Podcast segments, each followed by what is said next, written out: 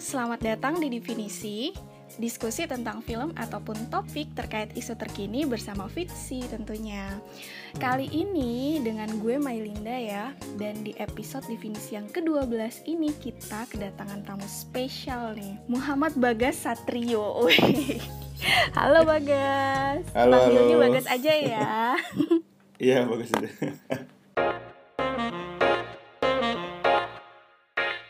Bagas apa kabar? baik baik alhamdulillah. Terima kasih loh atas waktunya Iya. sudah menyempatkan untuk mampir ke definisi. Sedikit throwback ya teman-teman bahwa pada 2019 lalu kita itu kan sudah eh, mengadakan Fitsi Jury Awards 2019. Para pemenangnya itu kan mendapatkan hadiah berupa dana produksi sebagai bentuk apresiasinya. Nah, nggak cuma itu, para filmmaker juga dapat bekerja sama dengan Fitsi Studios mulai dari pengembangan ide hingga pendistribusian proyeknya nanti. Tentunya di mana lagi kalau bukan di platform Fitsi. Bukan begitu, Bagas? Yo Iya dong. Nah, Bagas ini nih teman-teman adalah silver winner di juri ID 2019 lalu.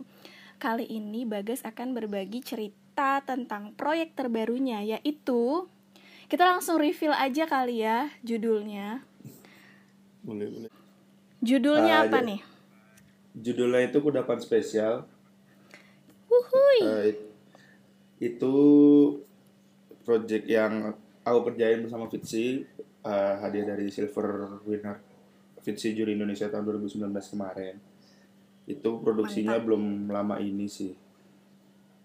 Belum lama ya, tapi sudah selesai ya. Udah alhamdulillah udah selesai. Gimana perasaanmu setelah menyelesaikan proyek ini? lega banget sih karena memang sebelumnya aku dari kalau aku pribadi memang terakhir buat film itu di 2018 itu di Garwo yang Mm-mm. akhirnya menang di Silver Award di Fitsi itu setelah dua tahun Oh. akhirnya bikin film lagi Bang Fitsi ya. senang sih sebenarnya karena karena sebelum jujur setelah Garwo itu aku kebingungan untuk mem- memproduksi film sih karena merasa belum belum ada sesuatu yang urgent belum ada dorongan untuk membuat film lagi akhirnya Mm-mm. ya ngekru aja akhirnya ngekru ngekru ngekru tapi belum belum buat karya sendiri lagi tapi ketika menang Silver Award jadi kayak punya dorongan lebih untuk membuat karya sih jadi ya kemarin pas selesai syuting tuh wah akhirnya bikin film lagi setelah dua tahun Jadi bisa dibilang Fitsi ini ikut mendorong kamu ya ya bener banget untuk menelurkan karya-karya Cailah. Ya ampun. Seru ya berarti gak lepas dari tantangan-tantangan ya apalagi kamu kan Iya. syutingnya di masa pandemi nih. Iya, Bisa bener cerita sedikit gak sih? Apa sih tantangannya syuting di masa pandemi? tantangan jelas agak sulit untuk mencari lokasi sih sebenarnya pertama karena memang banyak masih banyak orang-orang yang belum belum welcome dengan orang luar yang datang jadi kita emang harus nyari lokasi-lokasi yang ya cukup jauh dari lingkungan yang ramai segala macamnya. Dan harus meminimalisir kru juga. Akhirnya ba- banyak yang double job. Seperti itu sih karena memang Hmm, mengefisiensikan dan mengurangi ya. Kalau bisa jangan terlalu banyak lah krunya. Karena takutnya juga betul, malah betul. membawa dampak negatif ke lingkungan sekitar juga sih. Benar benar benar. Tapi akhirnya bisa dapet lokasi itu gimana? Hmm, akhirnya kita make kayak homestay gitu sih di mana akhirnya memutuskan untuk pakai homestay karena ya itu memang tempat ini kan maksudnya enggak untuk umum tuh maksudnya kalau kayak- kita pakai rumah warga itu kan masih Mm-mm. sangat dekat dengan tetangga ada pemilik rumahnya segala macamnya itu makanya kita akhirnya kayaknya kita pakai cari homestay aja deh yang yang memang dikhususkan udah dijaga steril apa segala macamnya karena covid ini Hmm. juga kan terus Iya, ya iya, akhirnya dapet sih Oke, jadi eh, mendingan pakai lokasi yang udah terbukti udah disterilisasi Iya gitu ya. Apalagi di keadaan yang lagi kayak gini, walaupun kita produktif tetap harus eh, menjaga protokol kesehatannya lah ya. Hmm, hmm, hmm. Mantap loh. Kasih bocoran sedikit dong eh, ceritanya tentang apa sih proyek kamu ini terbaru? Ceritanya itu tentang uh, seorang ayah rumah tangga yang berusaha membuat mie untuk ulang tahun anaknya, namun tidak Mm-hmm. dimakan karena ibunya membawa kado ulang tahun makanan yang lebih menarik untuk anaknya. Kurang Ah. lebih gitu sih. Kurang lebih seperti itu ya. Nah, itu insight-nya dari mana sih?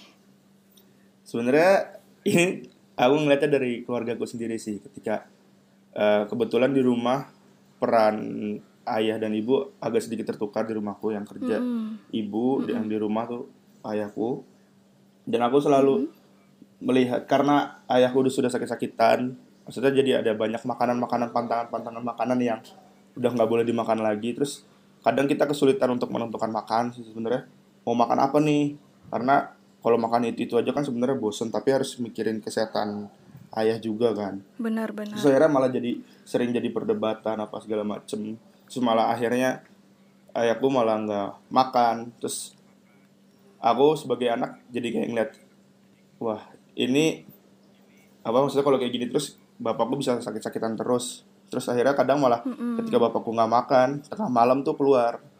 Tiba-tiba misalnya ngajak aku "Kak, bikin lapar nggak? Bikin indomie yuk. Bapak mau makan indomie. Akhirnya walaupun aku udah kenyang posisinya jadi kayak yaudah boleh. Demi bapakku bisa makan atau apa atau beli nasi goreng atau apa. Kayak gitu gitu sih sebenarnya.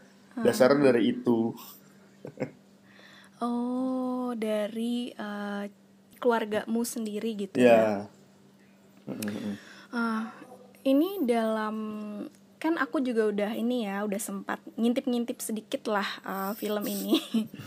nah sebenarnya aku penasaran sih eh, bagaimana sih menurut kamu kan kalau di dalam ceritanya itu ada bisa dibilang eh, peran gender yang tertukar ya antara Yap. suami antara suami dan istri gitu. Mm-mm. Kalau kamu melihat fenomena itu gimana sih? Apakah wajar atau itu mah eh, ini aja apa kesepakatan masing-masing or apa gitu kan? Masing-masing punya pandangan. Kalau Bagas sendiri gimana?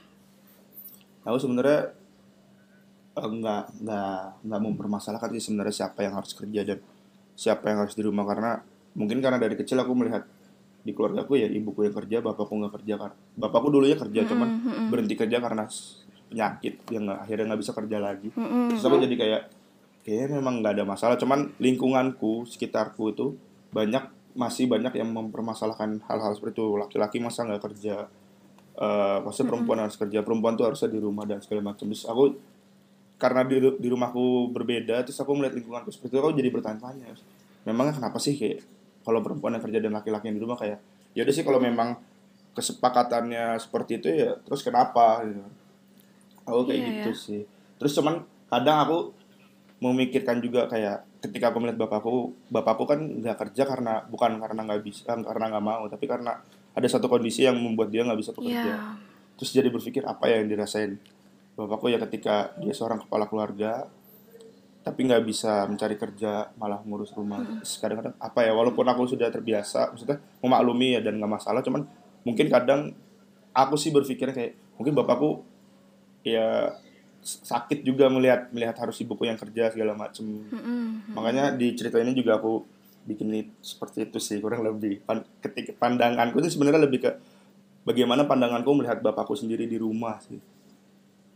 Iya ya, soalnya bisa dibilang juga terkadang pertukaran peran itu eh, di luar dari misalnya itu eh, prinsip eh, masing-masing pasangan ataupun kesepakatan masing-masing pasangan, kan kita juga melihat dan mempertimbangkan kondisi yang ada gitu ya. Heeh. Nah itu kan yang jadi eh, mungkin bisa dibilang eh salah satu bentuk eh, kooperatif kerjasama dari sa- sa- apa masing-masing pasangan dalam rumah Iya. tangga eh, negosiasinya itu seperti apa gitu nggak sih kayak iya bener banget kan sih eh, eh, dan orang-orang yang menjudge itu kan sebenarnya mereka nggak tahu ya keadaan sebenarnya kayak Iya. gimana mungkin gitu kan Ah. jadi muncul stigma-stigma yang ya tanpa mem- tanpa melihat lebih dalam sebenarnya apa sih yang terjadi di dalam Iya. rumah tangga seseorang gitu kan misalnya. Hmm, seru ya film ini. Ih, teman-teman harus nonton loh film pendeknya Bagas. nah, oke. eh, oh iya, eh, ini juga kalau aku lihat mengangkat uh, isu-isu apa orang tua orang tua yang menggait anak-anaknya yang sekolah dari rumah. Hmm. Itu kan maksudnya ada hubungannya juga dengan fenomena-fenomena yang terjadi saat pandemi ini. Kamu terinspirasi dari itu juga kah? Ya, kalau itu sebenarnya aku kenapa akhirnya mengambil setting uh, masa pandemi itu memang menjadi alasan kenapa akhirnya uh, bapaknya nggak bekerja dan aku ingin memperlihatkan memperlihatkan aja sih bagaimana uh, awarenya si bapak berusaha walaupun bapaknya nggak bekerja ini tapi bapaknya tetap berusaha apa ya dalam tanda kutip berguna lah berguna dalam di rumah jadi dia dia yang membantu hmm menyiapkan sekolah anak, uh, makin seragam, apa mempersiapkan uh, sekolah onlinenya, masak kayak gitu-gitu sih. Kalau memang sebenarnya itu diciptakan memang untuk mendukung suasana hati bapak maksudnya atau mendukung ya pressure ke bapaknya itu sih. Oh oke okay, oke. Okay. Soalnya uh, kalau aku lihat kan zaman sekarang juga memang apalagi khususnya uh, hampir satu tahun terakhir selama pandemi ini kan jadi kita semua kan jadi work from home sekolah hmm. jadi dari rumah yeah. gitu dan uh, memang memang kejadian itu cukup relate gitu kan sama hmm. kehidupan sehari-hari apa kamu memang uh, ada intensi untuk itu juga ya maksudnya menciptakan adegan-adegan uh, yang relatable juga mungkin ya Iya benar sih tapi itu Oke, sekarang kita ngomongin tentang makanan nih. Why mie goreng dan spaghetti? Why? Sebenarnya kenapa mie goreng? Karena sebenarnya bapakku pinter masak mie goreng oh, mau jadi, dong dikirim mie goreng dari Papa Baga. Jadi bapak bapakku tuh seneng banget mengulik bumbu masak di rumah. Uh, Wah, jadi cari cari tutorial nyoba-nyoba terus merasa ada nggak pas akhirnya disesuaikan coba pakai bumbu lain bumbu lain dan pertama kali bapakku menurutku sih pertama kali bapakku bisa masak yang dengan bumbunya sendiri yang enak banget itu ya mie goreng hmm. gitu hmm. jadi wah kayaknya memang harus mie goreng sih menurutku gitu harus mie goreng ya. Kamu juga jadi ikut belajar masak gak sih kalau papa suka masak-masak gitu? Iya benar banget sih. Itu berguna banget ketika ngerantau. Iya ya. Hmm. Lalu uh, kenapa ada spaghetti di situ? Spaghetti ini sebenarnya lebih uh, melambangkan perlawan eh bukan perlawanan ya.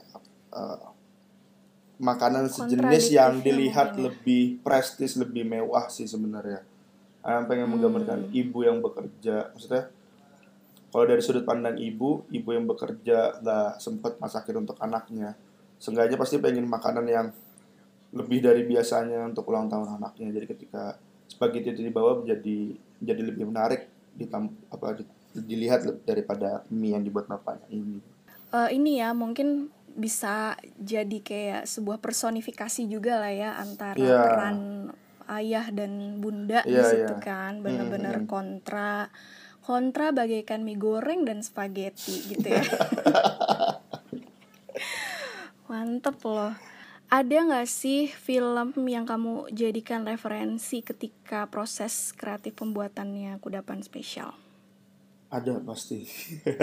Referensi aku patokannya waktu patokannya adalah Eat Drink Man and Woman.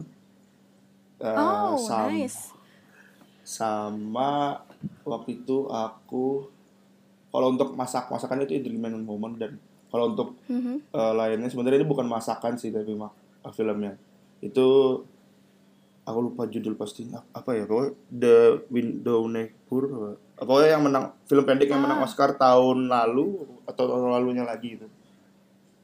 Terus okay. maksudnya itu aku lebih ngambil referensi bagaimana suami istri uh, bertengkarnya, maksudnya intensitas emosinya kayak gitu-gitu sih kalau itu. Oh, oke. Okay. Oh iya, proses proses syutingnya berapa lama sih total dari awal apa namanya mungkin awal muncul ide perkembangan skrip develop skrip dan lain sebagainya prosesnya berapa lama tuh sebenarnya kalau dari develop script itu sebenarnya udah lama banget ya aku lupa. Setelah uh, fiksi juri itu beberapa bulan setelahnya aku udah mulai coba develop bareng sama penulis sama produsernya. Nemuin ide cari-cari ide sampai akhirnya nemu ini ide ini kudapan spesial ini dan coba dikembangin. Dan waktu itu uh, udah udah aku share juga ke tim Fitsi dan sempat berhenti karena covid kan kemarin sempat covid dan Mm-mm. pergerakannya udah mulai susah akhirnya stuck uh, nggak disentuh selama beberapa bulan sampai akhirnya waktu itu dikontak lagi kayaknya uh, udah ditanya apa kondisi di Jogja gimana memungkinkan nggak untuk syuting dan segala macam akhirnya udah memungkinkan dan akhirnya kita baru lanjut lagi development waktu itu sampai Hmm.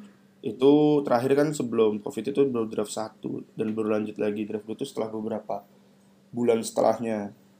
Sampai akhirnya sebenarnya kalau development itu aku bahkan masih merubah beberapa adegan dan scene itu sampai hamin seminggu nggak nggak nyampe seminggu sih kurang dari seminggu syuting malah. Wow. karena memang Karena ngerasa ada beberapa adegan yang emosinya masih belum tepat. Akhirnya dan adegan-adegannya kayak itu tuh kayaknya eh, alasan-alasan bapaknya menjadi seperti ini kayak kayak masih kurang deh kayaknya harus kita nambahin scene lagi kayaknya harus nambahin adegan ini lagi nambahin adegan ini lagi hmm. terus akhirnya itu diskusi lagi sama pemain eh gimana menurut mereka emosinya kalau ditambahin scene-scene seperti ini segala macam akhirnya ya itu baru ya bisa dibilang final draftnya naskah tuh ya hamin kurang dari seminggu syuting Ya, Ya. kurang lebih kurang lebih hampir setahun sih hampir setahun ya. Heeh.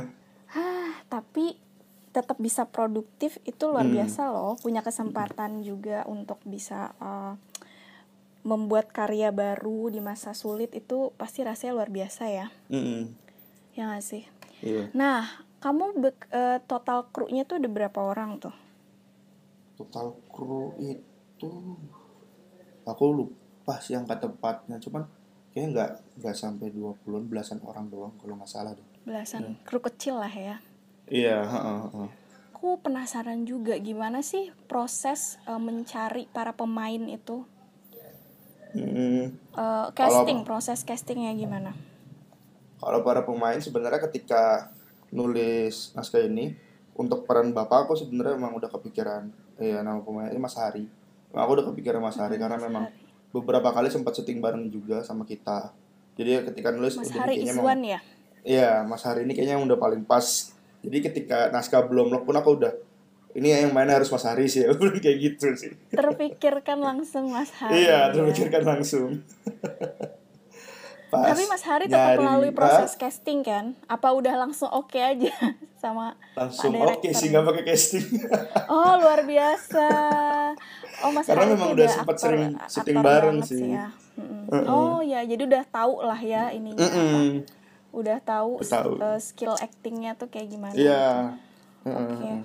Kalau yang lain Bunda sama Digi, Eh, Bunda sama Digi sebenarnya agak agak susah sih nyarinya Eh, untuk Digi apalagi karena harus nyari looknya yang yang lucu, yang agak gemuk dan masih kecil. Kebanyakan memang itu yang udah mulai-mulai besar yang menurutku malah jadi kayak kalau itu masuk kecil itu jadi kayak kurang masuk aja si eh, sifatnya dengan fisik yang karena aku juga baru sadar sih ketika nyari case untuk Digi tuh anak kecil zaman sekarang tuh ternyata gede-gede ya. lebih cepet cepet banget gede. pertumbuhannya Ya makanya agak wah ini susah oke, banget oke. udah gede banget padahal masih kelas 1 SD kelas 2 SD tapi kok badannya gede-gede banget jadi kayak wah ini sih kegedean makanya agak sulit kemarin tuh aku dapet Genzo itu Genzo itu umurnya 4 tahun apa? Empat setengah tahun kalau nggak salah. Terus itu akhirnya ketemu Itu yang main karena Digi empat setengah tahun. iya iya iya. Wow, oke oke oke. gede Terus? banget kan?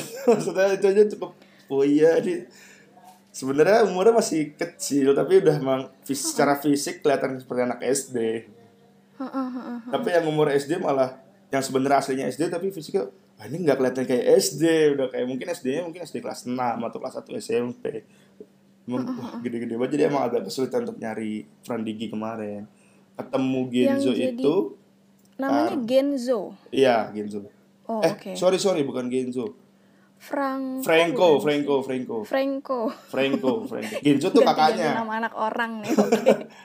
Dia tetap- ya Genzo tuh kakaknya. kita pernah Oh. syuting bareng kakaknya beberapa tahun yang Oh, lalu oke. di 2017 nah dulu Genzo masih kecil terus Franco. ah Frank. Terus ternyata pas uh, nge-stok nge-stok Genzo ibunya Genzo oh ternyata mereka punya adik yang lebih kecil dan sering act beberapa kali ikut uh, film acting gitu kan. Wah boleh nih dicoba nih kayaknya masih kecil secara fisik. Cocok soalnya waktu itu. Akhirnya casting tapi castingnya juga secara online sih jadi by kirim video gitu Walaupun online harus semua harus tetap jalan ya prosesnya ya. iya Luar biasa loh. Ih, tapi si Franco, Franco kan ya, Franco tuh gemes banget. So lucky lah bisa menemukan Iya. Franco itu ya. Iya. Dan untuk anak ukuran anak ukuran anak seumur empat setengah tahun, menurut aku kayaknya dia ini ya, maksudnya udah bisa diarahkan gak sih termasuknya iya Franco ah, itu ah, ah. dia tuh cukup bisa diarahkan ya. Dia tuh aku bisa bilang pinter sih karena eh, aku selama direct mungkin lebih membriefnya tuh lebih ke apa sih sebenarnya yang dipikirkan? Si karakter Digi ini.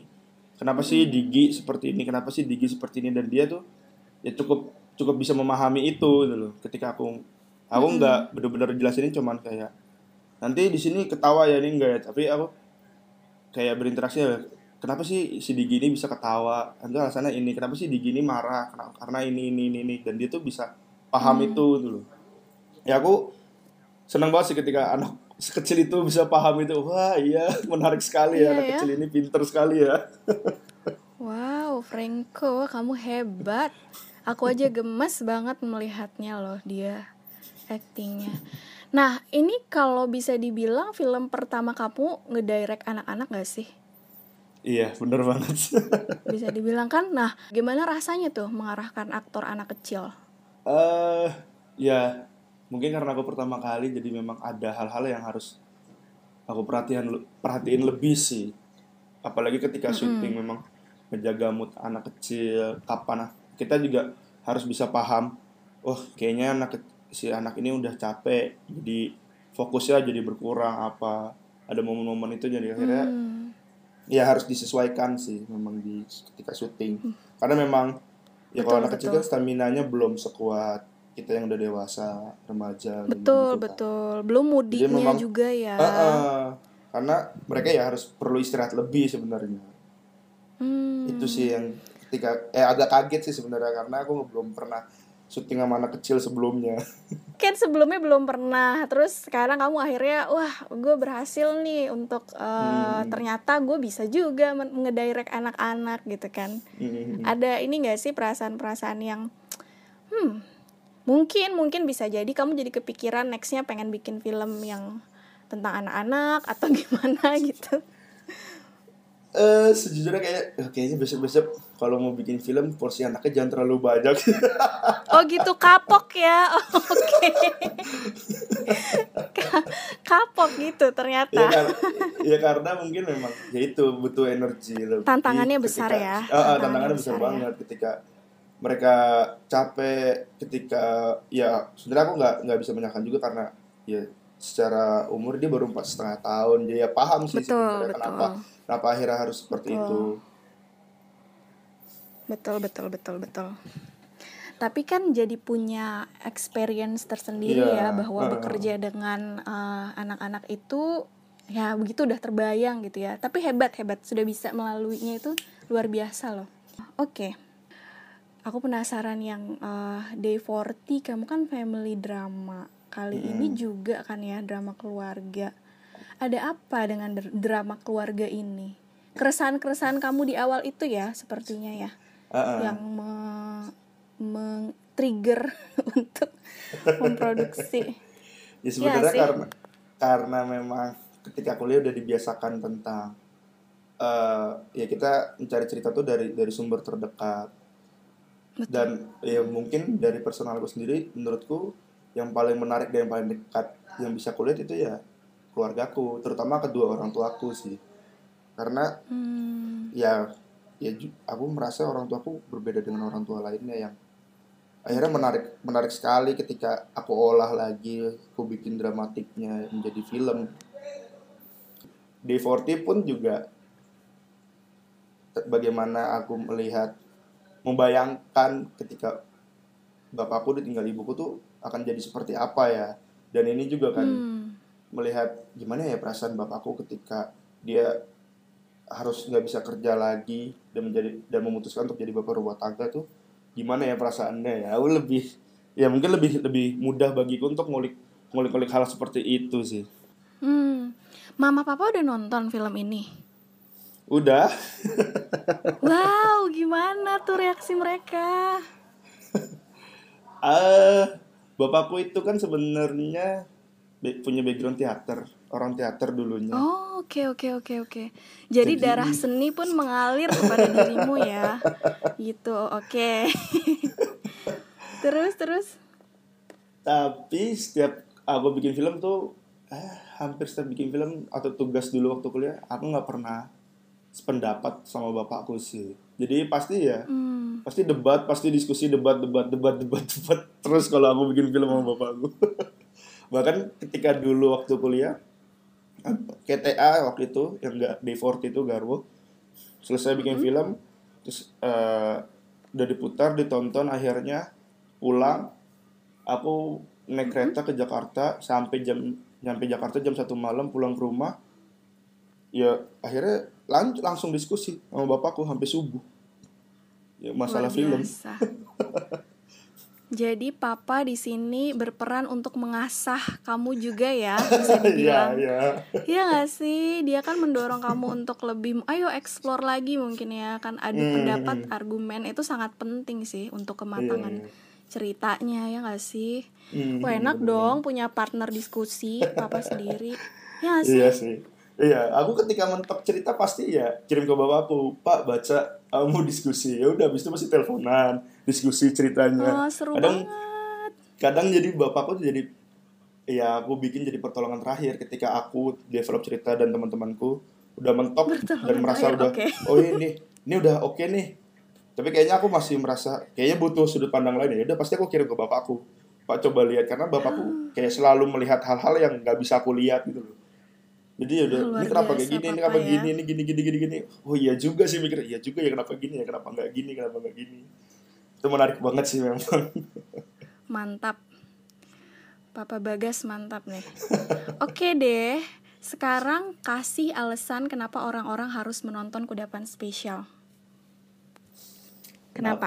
harus nonton kudapan spesial? Karena khususnya untuk keluarga ya. Yes. Eh, sebagai orang tua jadi menurutku ketika nonton ini sebagai orang tua jadi tahu harus harus seperti apa ketika di rumah dan Hmm. maksudnya ya tidak ada masalah ketika peran itu tertukar dan Yes. sebagai anak ya harusnya setelah nonton film ini mereka harusnya bisa paham sih bagaimana memposisikan diri di rumah bagaimana ketika me- mereka sebagai anak melihat ada masalah di rumah mereka harus seperti apa memposisikan diri ya seperti apa itu sih menurutku Jadi sangat relatable ya.